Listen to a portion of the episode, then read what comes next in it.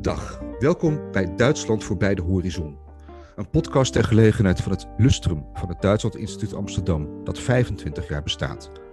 Een podcastserie over de toekomst, want er wordt al genoeg teruggekeken. En zeker in Duitsland en zeker door mensen die zich met Duitsland bezighouden. Daarom praat ik in deze serie met Nederlanders in Duitsland, verschillende sectoren, over de stand van zaken in het land en hun kijk op de toekomst. Ik ben Wouter Meijer, journalist, oud-correspondent in Duitsland. En ik spreek nu met Selma de Mink, sterrenkundige, een van de topwetenschappers van Nederland. En wat doe je dan? Inderdaad, je gaat naar het buitenland. Eerst naar de Verenigde Staten. En nu is ze in Duitsland een van de directeuren van het Max Planck Instituut voor Astrofysica in Garching, vlakbij München. Een hele prominente positie in de Duitse wetenschap.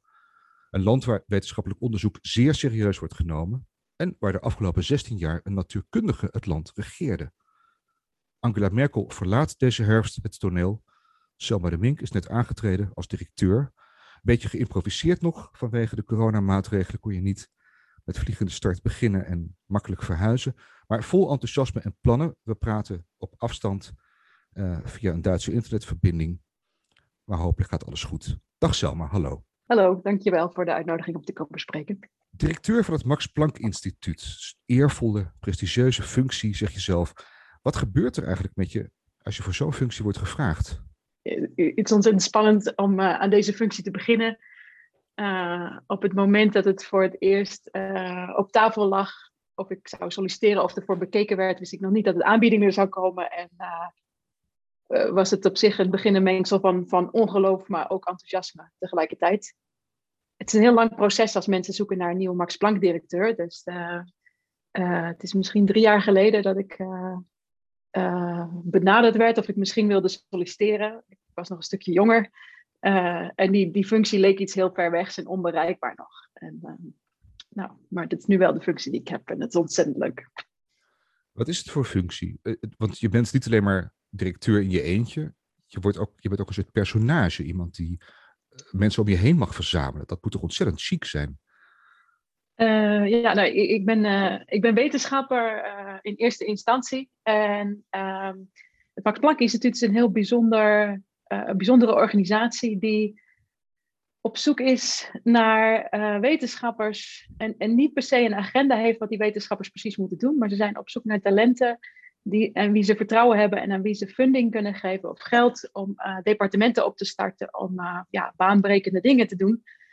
zonder ze precies te vertellen, hier moet je aan werken of het moet morgen geld opleveren of het moet hier en hier toe leiden.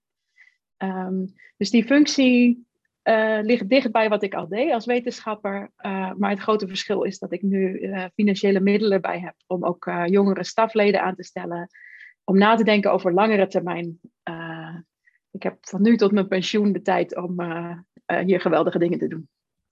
Maar je krijgt dus wel heel veel vrijheid. Je hoeft niet het onderzoek te doen wat zij al hebben gepland, of waar ze misschien een keertje financiering voor hebben. Maar je mag het onderzoek doen wat je, wat je zelf graag wil. Ja, ze kijken natuurlijk wel naar mensen met bepaalde profielen. Ik ben aangesteld in het instituut in uh, Garching, vlakbij München. En dat is een instituut wat zich bezighoudt met astrofysica.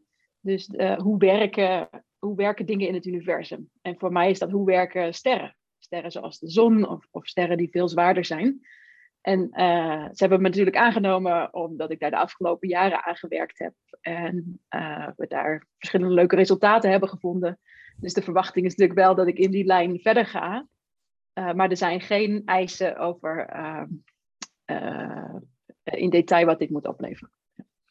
Kun je heel makkelijk voor leken verklaren wat je, wat je wilt gaan onderzoeken? Wat, wat zijn jouw belangrijkste dingen?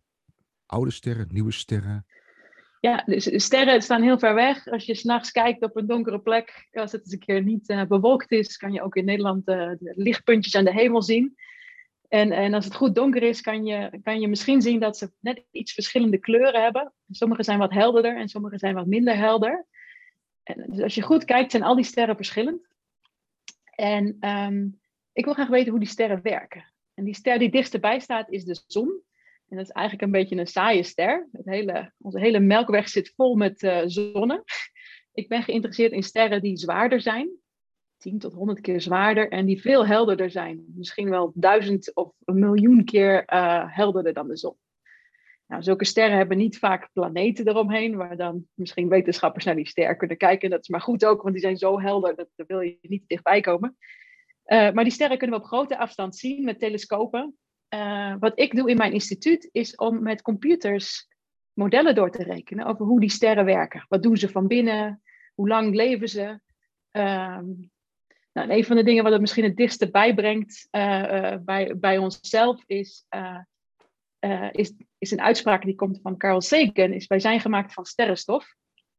En alle materialen waar wij uit bestaan, dat was er niet in het begin toen de oerknal plaatsvond. Alle moleculen in je lichaam, in je spieren, in je bloed en het zuurstof die je inademt, dat is ooit gemaakt in sterren. En dat zijn specifiek die zware sterren die ik in mijn departement uh, ga onderzoeken. Had, je, had je enig idee van Duitsland voordat je er ging werken, waar je terecht zou komen? Had je een, had je een beeld van Duitsland?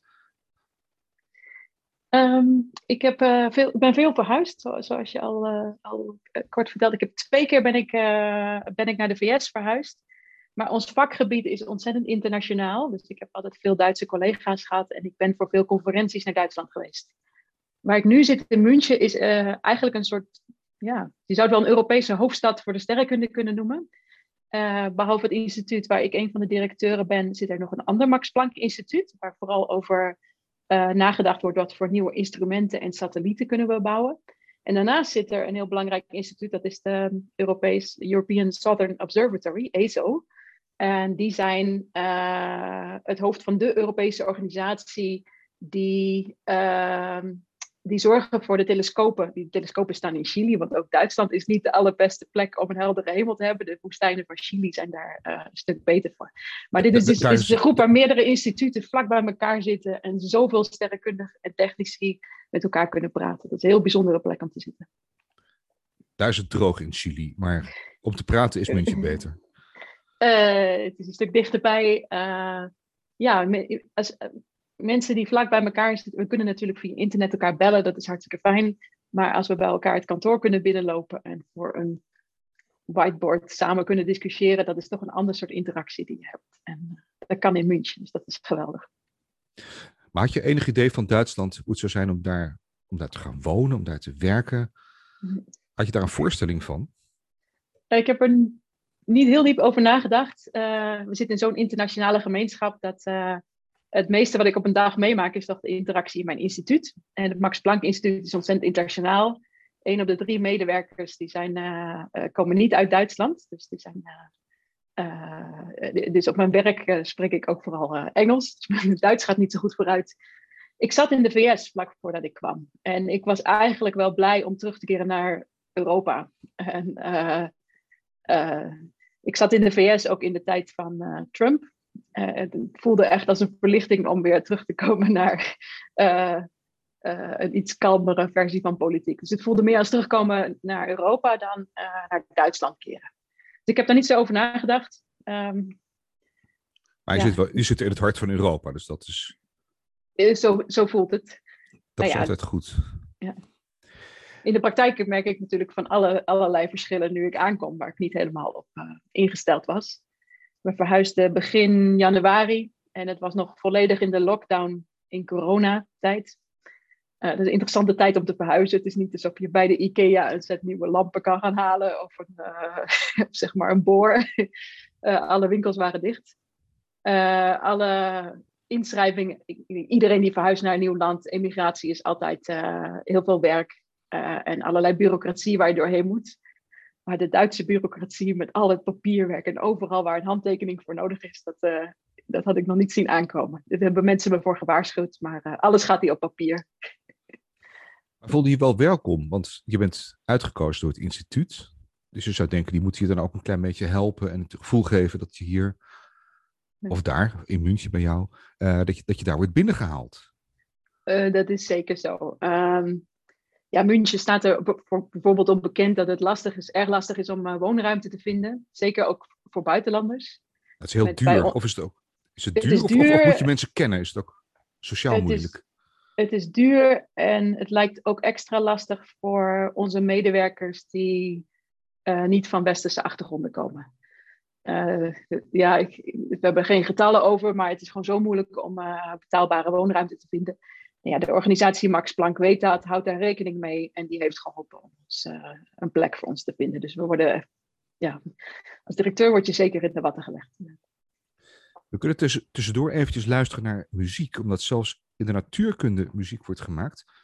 En als ik het goed begrijp, heeft een van je collega's um, zwaartekrachtgolven verwerkt tot geluid. En kun je op basis van natuurkundige gegevens ook muziek maken. Ja, misschien kan ik zeggen wat dat met mijn onderzoek te maken heeft. We hadden het over sterren.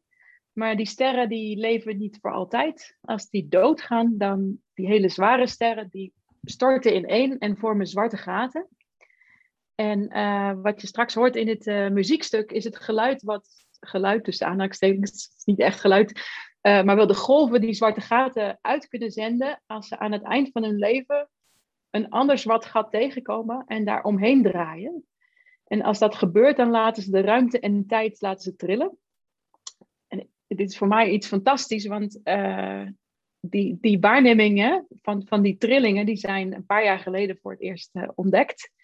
En wat ik hoop in mijn instituut om berekeningen te doen, om te begrijpen hoe ga je van sterren naar twee zwarte gaten. Waar komen dan die, die ruimtetrillingen vandaan? Nou, die ruimtetrillingen zijn geen geluid, maar je zou ze om kunnen zetten in geluid. En dat heeft een uh, collega van mij gedaan die ook meegewerkt heeft aan die uh, waarnemingen. Mijn naam is uh, Samaya Nisankes, is een collega in Amsterdam, waar ik ook nog betrokken ben. En die heeft samengewerkt met een componist en die heeft dit stuk muziek samengemaakt. Dus de muziek heeft niet zoveel met sterrenkunde te maken, maar er zit maffe geluidsfragmentjes en die klinken een beetje als een, uh, we noemen het een chirp, of een, een chilp van een vogeltje. soort dit, het klinkt misschien maf, maar er zitten dit soort geluiden in die muziek en die komen uit uh. En, en denk je dat dat helpt om die berekeningen en die waarnemingen uh, onder een groter publiek te kunnen verspreiden? Dat, dat mensen iets meer gaan begrijpen of er een bepaald gevoel bij krijgen als ze dat horen? Uh, ik weet niet of dit muziekstuk daartoe bijdraagt. We zitten in een podcast, dus we zochten naar een audiovoorbeeld. Ik zou, ik zou je veel liever filmpjes laten zien van wat dit betekent. En uh, ik zou je graag links geven daarvoor. De visuele doen het nog wat sterker voor mij om ook uh, beter uit te leggen wat er gaande is. Maar ik denk dat dit voor een audiofragment dit het beste is wat we kunnen doen. Wat je al een klein beetje aansprak, is, is dat het voor mensen van een niet-westerse achtergrond moeilijker is om, om woonruimte te vinden in München als jij, als jij mensen uitzoekt om met je te gaan werken, waar, waar, waar let je dan op? Um, en is, er, is, en is er een verschil met, met hoe, en is er een verschil met hoe het nu gaat in Duitsland? Wil je daar iets aan um, veranderen? Ik zit in een vakgebied. Uh, nee, je stipt meerdere dingen aan. Ik zit in een vakgebied. Mijn, mijn achtergrond is natuurkunde. Uh, natuur en wiskunde heb ik gestudeerd in Utrecht. En op het moment dat ik dat deed, waren we met iets van tien meisjes onder een groep van uh, honderd studenten. Dus ik, ik, ik weet wat het is om tot een minderheidsgroep te behoren in een vakgebied. Um, dat geeft allemaal um, ja, problemen, zou ik niet per se zeggen, maar in ieder geval uh, obstakels en belemmeringen met zich mee, waar je voortdurend afvraagt, hoor ik hier thuis? En al die tijd dat je je dat loopt af te vragen, ben je niet aan het nadenken over wetenschap en mooie nieuwe dingen aan het ontdekken. Dus al die momenten dat je met jezelf aan het twijfelen bent, is dit voor mij, pas ik hier, uh, is je hoofd niet bezig met uh, nieuwe dingen ontdekken. Het is verloren energie eigenlijk. Ja, dus ik heb, ik heb zeker een passie om te kijken of ik mijn vakgebied meer en meer welkom kan maken voor mensen die niet uh, passen in het stereotype beeld van een wetenschapper, van een man met een baard, blank dus op zekere hoogte uh, doorbreek ik dat uh, stereotype nu zelf ook. Maar het aantal vrouwen is uh, in ieder geval snel aan het toenemen. ik kom nog steeds uit een westers land en had toegang tot goed onderwijs in Nederland. En kon vrij makkelijk mijn, mijn studie voortzetten. Er zijn mensen met veel diversere achtergronden. We zijn heel geïnteresseerd om die naar de sterrenkunde of naar de wetenschap in het algemeen te halen. Want een van de manieren om tot de beste ideeën te komen is hoe diverser onze uh, de kanten zijn waarmee we naar problemen kijken. Dat, dat leidt tot creatievere oplossingen. Dus er is ontzettend veel talent wat, wat we nu niet bereiken en wat we wel hopen dat we die kunnen bereiken. Dus ja, een van de dingen die ik hoop is dat ik met mijn instituut in ieder geval een, een groep mensen kan inspireren en meer welkom kan laten voelen. Die dan misschien bij ons komen werken of op andere plekken een plek vinden. En staat men daar in Duitsland voor open? Wat, wat, merk je aan reacties als jij zegt dat je dit soort dingen van plan bent? Uh, dit is een groot thema, zeker uh, sterrenkundige spreek je veel over. En ik, ik, heb iets minder contact met de andere wetenschappen, maar ik, uh, iedereen weet dat dit op de agenda staat. Um, er zijn landen die verder zijn op het gebied van man-vrouw verhoudingen. En zeker Zuid-Europa is, het, is de verhouding, het aantal vrouwen wat deelneemt in de wetenschap veel groter. Nederland loopt ook ver achter. Uh, het was voor mij een verademing om naar de VS te gaan. En ineens veel senior vrouwen te zien die gewoon vol zelfvertrouwen uh, uh, zich niet afvroegen, hoor ik hier thuis, maar vertelden over het werk wat ze deden. Dus de tijd in de VS heeft voor mij veel goed gedaan. terugkomen naar Nederland was een klein beetje een koude douche op dat moment. En ehm, Duitsland ehm, er is nog veel werk te doen om de balans tussen mannen en vrouwen gelijk uh, te maken. Maar er, het is ver genoeg om de discussie te voeren. Dus onder Max Planck directeuren is nu ongeveer 15% is, uh, vrouw. En um, het is pittig om goede vrouwen. Dat is ook niet heel veel, 15%. Dat, dat is weinig. Of is het in de uh, wetenschap misschien juist wel weer al een heel eind? Mm, nee, dit is weinig. Um, ja, we zullen het mee vergelijken. Het, het, is heel verschillend per vakgebied. De natuurkunde is het een stuk slechter, uh, geloof ik, dan bijvoorbeeld uh, sociale wetenschappen. Um, uh, laat ik het zo zeggen, in Amsterdam waren onder onze PhD-studenten, onze promovendi, hadden we ongeveer 50-50 mannen en vrouwen. dat halen we hier in Duitsland op dit moment in het instituut niet. En, en op het hogere niveau hebben we minder en minder vrouwen. Nou, maar het instituut waar ik specifiek naartoe ga, daar zijn we met, zitten met vier directeuren, eh, delen we één, uh, één uh, werkelijk gebouw en werken we ook samen. En daar zijn we twee mannen en twee vrouwen. Dus we hebben in ieder geval, in, in dat instituut hebben we nu gender balance onder de, in de top. En ik nog niet in de laag en de jongere categorieën, maar dat is wat ik graag zou willen bereiken. Trouwens, als je het fragment wil laten horen, Samaya Nisanke is uh, die collega in Amsterdam die eraan meegewerkt heeft, is iemand die zich daar ook ontzettend hard voor inzet en uh, daar geweldige dingen voor doet. Dus dat linkt ook aan haar werk. Het muziekstuk wat je zo meteen hoort is gemaakt op initiatief en samenwerking tussen mijn collega Samaya Nisanke.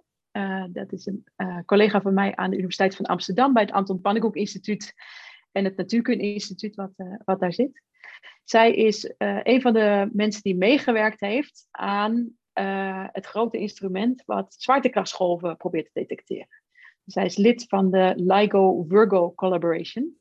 En zij is expert in, uh, ja, in zwarte gaten en de zwaartekrachtsgolven die daaruit voortkomen. En ze heeft zelf gedacht dat je daar muziek van kunt maken.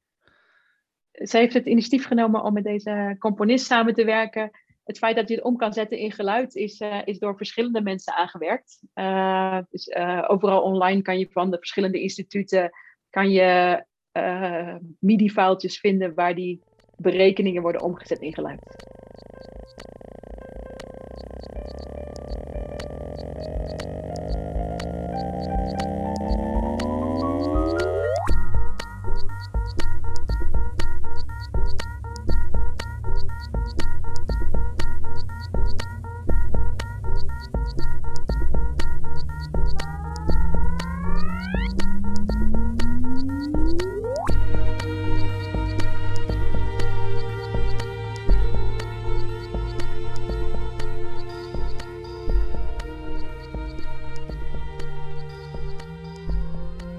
Kijken natuurlijk vooral vooruit, want er wordt al genoeg herdacht dit jaar. Maar we moeten het toch ook eventjes over het verleden hebben, over Angela Merkel, die na 16 jaar weggaat aan de macht, net als jij natuurwetenschapper.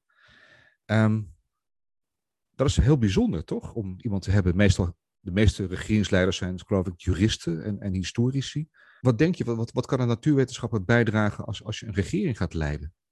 Echt bijzonder de, rol die ze daar gespeeld heeft als, uh, als natuurkundige en uh, uh, ook als vrouw, voor mij betreft. Um, ik, ik denk wat het meeste eh, voor mij resoneert is het moment dat ik dacht over naar Duitsland gaan, woonde ik in de VS. En het was in de tijd, ik heb daar kort gewoond en een paar maanden nadat we arriveerden begon de coronapandemie. En ik zat daar in een land waar de president niet graag kijkt naar de informatie die van wetenschappers komt.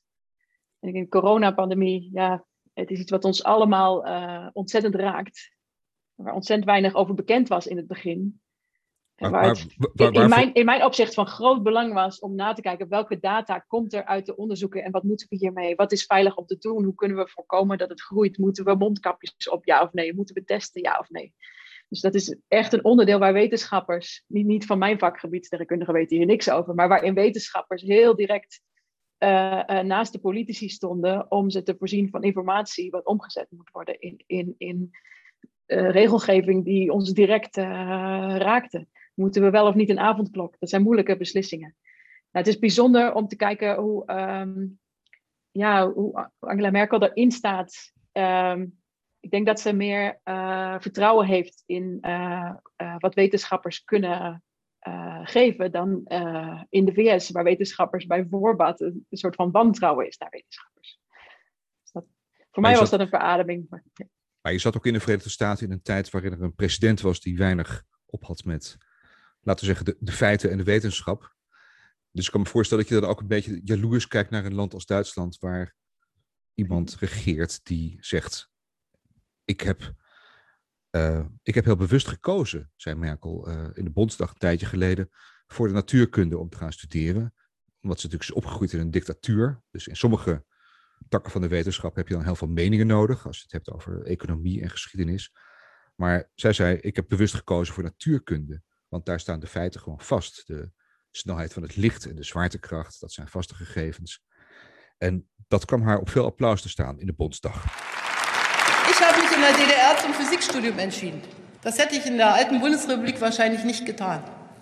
Weil ich ganz sicher war, dass man vieles außer Kraft setzen kann. Aber die Schwerkraft nicht, die Lichtgeschwindigkeit nicht und andere Fakten nicht. Und das wird auch weiter gelten, meine Damen und Herren. Da brauchen wir uns gar keine Sorgen zu machen. Heb je, heb, heb, je iets gemerkt van het, van, van het belang van de wetenschap de afgelopen jaren, of de afgelopen jaar eigenlijk in de coronacrisis? Opeens zijn er epidemiologen en, en, en virologen zijn, zijn bekende mensen geworden in allerlei landen. De wetenschap komt opeens aan het daglicht.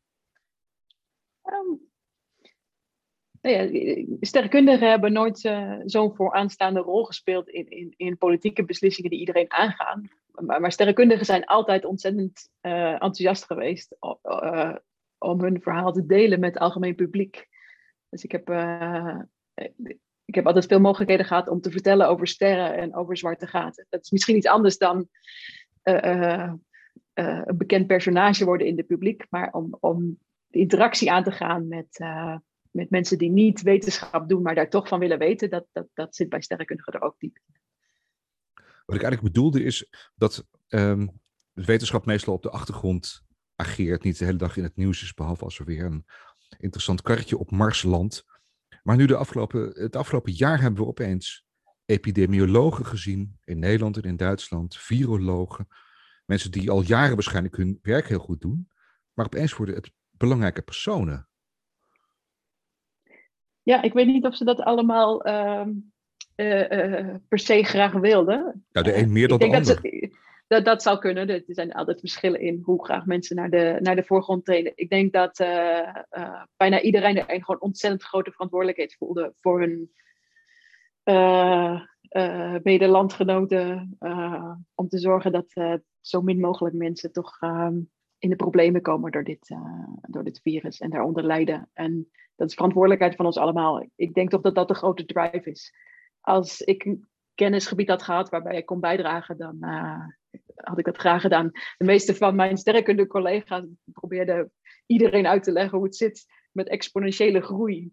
Aan het begin van die virusepidemie zagen we dat het snel vermenigvuldigde. En, en dat, dat, dat gaat harder dan, dan je zou denken. En uh, ook natuurkundigen weten hoe, in principe hoe een exponentiële functie werkt. Maar ik denk dat wij ons een beetje moesten inhouden, want over epidemiologie weten we als uh, natuurkundige en uh, sterrenkundige heel weinig. Maar de, de wens om te helpen mensen uit te leggen hoe ernstig het was, was er zeker bij mijn collega's ook sterk. ik kan me voorstellen dat het wel een verandering is in de functie van de wetenschap of in het, het, het imago wat je zo voelt. Dat je mensen feiten uit wilt leggen en niet meer uh, het alleen maar over meningen gaat of, of over wat iemand er ergens van vindt. Ja, al hebben we als wetenschappers um, ook grote verantwoordelijkheid dat we weten waar we expert op zijn en waar we niet expert op zijn. Um, ook al weet ik misschien hoe een exponentiële functie werkt, ik moet niet uh, opstaan en doen alsof ik weet hoe een epidemiologisch uh, proces plaatsvindt. Ik denk sterrenkundigen kunnen ook een grote rol spelen, omdat we over hele grote schalen nadenken in het universum. Onze aarde is een heel klein nietig planeetje in een, in een, uh, in een lege ruimte waar zonnevlammen langskomen en kometen. En als je als sterrenkundige nadenkt over hoe, hoe oud het universum is en hoe lang die sterren leven, dan en je beseft hoe kort het leven op aarde er is, dan, dan besef je ook beter hoe uh, kwetsbaar het leven op aarde is. En hoe zorgvuldig we daar moet, mee moeten omgaan. Dus ik, kan op die manier zien dat sterrenkundigen ook een rol zouden spelen in het meedenken over uh, beseffen hoe kwetsbaar uh, onze planeet is. Maar we zijn geen klimaatwetenschappers. Dus hou je, hou je wel bij je leest, is ook wat ik uh, tegelijkertijd wil zeggen ja, wat een belangrijk principe is van de wetenschap eigenlijk. Van weten wat je weet en ook weten wat je niet weet. Ja, het feit dat ik een titel heb als dokter betekent niet uh, dat ik op alle gebieden iets weet. Als er een dokter gevraagd wordt in het vliegtuig omdat er iemand onwel is, dan ben ik zeker niet de persoon die daar uh, iets kan bijdragen. Dan, dan, is er wel een dokter in de zaal, maar jij kan toch niet echt iets doen. Wat, wat heb je persoonlijk gemerkt van, van de coronacrisis de afgelopen, nou ja, toch ruim een jaar intussen? Ja, um, ja, ik zat dus in de VS, maar ik zat, um, ik was verbonden aan de Universiteit uh, van Harvard. Ik was professor daar. Uh, dus ik zat in een soort van kleine bubbel in de VS van wetenschappers. En van een rijke universiteit die ook middelen had om maatregelen te nemen tegen corona. Althans, in die kleine bubbel die de universiteit daar was. Dus Harvard was heel snel met studenten naar huis sturen. Um, eh, tegen de tijd ik wegging, werden er, waren er al testen beschikbaar, veel sneller dan in Nederland. Mensen die terugkwamen naar het instituut konden gewoon, ik geloof twee keer per week, een, een zelf een test doen en opsturen. dus dat kwam heel dichtbij. Persoonlijk is er gelukkig niet iets ernstigs gebeurd, maar het was heel eng om in de VS vast te zitten en niet terug naar huis te kunnen uh, als er iets zou gebeuren met ouders of vrienden in Nederland. Want mijn sociale kring was nog in, Nederland. En um, ja, het ging in de VS steeds slechter en we, ik keek jaloers uit naar Duitsland op dat moment. Uh, Duitsland heeft het zeker in het begin uh, heel goed onder controle gehouden. Dus ook de tijd dat Duitsland ziekenhuisbedden ook aan, aan Nederland um, beschikbaar stelde. Nu zit ik in Duitsland en kijk ik jaloers terug naar de VS, waar al mijn collega's nu gevaccineerd zijn. Want er is in, nu nog geen uitzicht op in Duitsland. Uh, het uitzicht is nu dat vanaf juni uh, er geen prioritisering meer is. Dus dat ik in principe, ik ben dan, dan jong genoeg en geen risico. Bellen en, dan mag iedereen bellen, maar ik, in de rij gaan staan. Ik hou mijn hart vast, want ik, als je hier probeert een nieuwe huisarts te vinden, dan moet er zoveel formulieren en telefoongesprekken dat voordat ik met mijn halfbakken Duits uh, door de telefoonwachtlijst heen kom en, uh, een plekje heb, uh, dat zal even duren. Gelukkig ben ik geen risicogroep en ik kan wachten tot, tot andere mensen. Maar ons vakgebied is internationaal. Um, mijn studenten zitten nog in de VS en in Amsterdam en die kunnen nu niet komen bezoeken. Dus ik heb mijn promotiestudent zit in, in Cambridge in Massachusetts. Ik probeer met haar samen te werken en ik wou dat ze hier een paar maanden op bezoek kwam, dat we echt hard aan het werk konden. Dus dat, nou, dat kan via Zoom, kan dat gedeeltelijk, maar dat is niet hetzelfde als dat we samen aan de slag kunnen. Nee, want dan, zit we, dan zit je iedere keer, zoals je nu ook zit, voor een camera te praten en dat dit zal voor veel mensen nu heel makkelijk met elkaar omgaan. Ja, dat zal voor veel mensen gelden. Maar mijn, uh, ik werk vanuit huis, vanuit home office, zoals de Duitsers op zijn Engels zeggen. Maar dat is een heel Duits, uh, ja, die, die, heel Duits woord. Ja, die betekent altijd, altijd, Engelse woorden. Dat mobiele telefoon ook een handy heet. Wat, wat niemand nou, in Nederland zou zeggen. De Nederland, Nederlands doen het ook hoor. We, ICT is niet Engels, uh, dat is IT in het Engels. Dus nou, dat doen we alle twee. maar mijn dag bestaat van, van 8, 9 uur s ochtends tot, tot laat avonds zit ik achter Zoom uh, meetings te volgen, links en rechts en overal ter wereld. Dus. Heeft het ook echt consequenties, behalve voor de, nou, zeg maar, voor de organisatie en de, de omgangsvormen, voor, voor je vakgebied, voor de wetenschap, dat je denkt, na corona moeten we andere dingen gaan doen? Nou, dus nu, nu het meest urgente is natuurlijk dat de uh, opstart van mijn instituut uh, langzamer gaat dan uh, ik anders zou doen. Ik heb gewacht met het zoeken naar meer senior staf ik wil het liefste dat ze langskomen en een paar weken bij ons komen samenwerken. En dan dat kunnen zien over de juiste chemistry uh, hebben, ook om op lange termijn samen te werken. En dat is heel moeilijk. Mensen interviewen via een, uh, een Zoom-interview is toch niet hetzelfde. En voor de mensen die lange termijn bij ons komen, uh, die zou ook langer op de willen hebben. Dus daar zit vertraging in. Het samenwerken is echt bijzonder. zeker op het gebied van zwaartekrachtsgolven, waar ik heel erg geïnteresseerd in ben. Uh, mijn expertise is de sterren, maar over de zwaartekrachtsgolven weet ik eigenlijk uh, veel minder. En er zijn instituten in de VS waar dat het hoofdonderwerp is van expertise. En uh, mijn woensdagavond bestaat eruit om in te bellen in de meetings in New York, waar we dan discussiëren hierover. En nou, dat deden we normaal gesproken via conferenties een paar keer per jaar. Maar het is toch bijzonder dat we elke week ontmoeten en dat we toch een ander soort van samenwerking krijgen en kennisuitwisseling. Ze zijn ook voordelen, ja, zeker. Ja. Maar het is wel bijzonder dat in dit geval Duitsland toch een land is wat op allerlei punten een beetje achterloopt op uh, digitaal gebied. Uh, het nog steeds normaal is om onderaan je e-mail, ik vind het altijd grappig als mensen een mailtje sturen, dat er onderaan niet alleen je telefoonnummer en je uh, adres staat, maar ook je faxnummer. Ja, de, ik geloof dat heeft de is dat het enige is het niet deze januari dat, dat de faxapparaten deze, deze januari zijn afgeschaft bij de ministerstaak? Uh, het, het, er gaat ontzettend veel papier. Mijn aanstelling hier was een paar maanden vertraagd, want ik moest per se de papieren versie van het contract ontvangen en weer terugsturen. En ik weet niet of je dit gevolgd hebt, maar de US Mail had allerlei problemen om dit uh, te laten aankomen. En, wist, uh, je dat of, wist je dat of was het een grote verrassing dat dat zo gaat in Duitsland? Het was echt wel een verrassing. Ik, uh, ik ben dat niet meer gewend. En het was ook niet eens opgekomen dat ik het zou uitprinten, zou tekenen en dat zou terugsturen. Dat, zou, dat al in ieder geval het heen sturen. En toen kreeg ik als uh, antwoord van, ja, maar dan is het niet op het mooie papier gedrukt. toen zei ik, nou, ik denk dat het ook wel rechtsgeldig is als het op een 80 grams papiertje uit mijn printer komt, hoor. dus dat, dat gaat traag. Ja, dat, is een, dat is een klein gevecht eigenlijk tussen, nou ja, eh, de, grote ambitie die jij hebt met je instituut, met nieuw personeel, met nieuwe mensen. En, ja, het liefste de, zou en de bureaucratie die nog, die bureaucratie die in Duitsland gewoon altijd maar blijft bestaan. En waar je af en toe even tegen moet vechten. Ja, ik, ik wil me natuurlijk met wetenschap bezighouden. Maar dit is een nieuwe functie. Uh, ik ben niet alleen wetenschappelijke directeur. Op, om de aantal jaar uh, met de vier directeuren waar wij in één gebouw zitten, delen wij ook de rol van algemeen directeur. En dan moeten we allerlei zaken uh, regelen die natuurlijk uh, normaal horen bij het runnen van een instituut. Ja, in de bureaucratische processen kijk ik niet naar uit. Hoe trager dat gaat en hoe meer energie daarin stop, gestopt moet worden, dat is energie die ik niet kan besteden aan, uh, aan wetenschappen. Dus, um, maar ja, daar zal ik zeker bijdrage moeten leveren om als instituut verder vooruit te helpen. Het zou toch leuk zijn als we onze reisdeclaraties niet meer op papier hoeven in te leveren. Als eerste milestone. Ja, en dat ze dat van jou kunnen leren, in plaats van dat jij steeds maar moet leren hoe het in Duitsland werkt. Kun jij ze misschien ook af en toe uitleggen hoe het in de echte wereld werkt? Nou, uh, ja, dat, is niet, dat is niet mijn expertisegebied, maar ik zou inderdaad, uh, als je van buiten komt, heb je wel een frisse blik over hoe, uh, hoe dingen georganiseerd kunnen worden in, in andere plekken. Of je een expert bent om het te verbeteren is, dat is een andere vraag. Maar je hebt in ieder geval wel zicht op hoe het anders kan.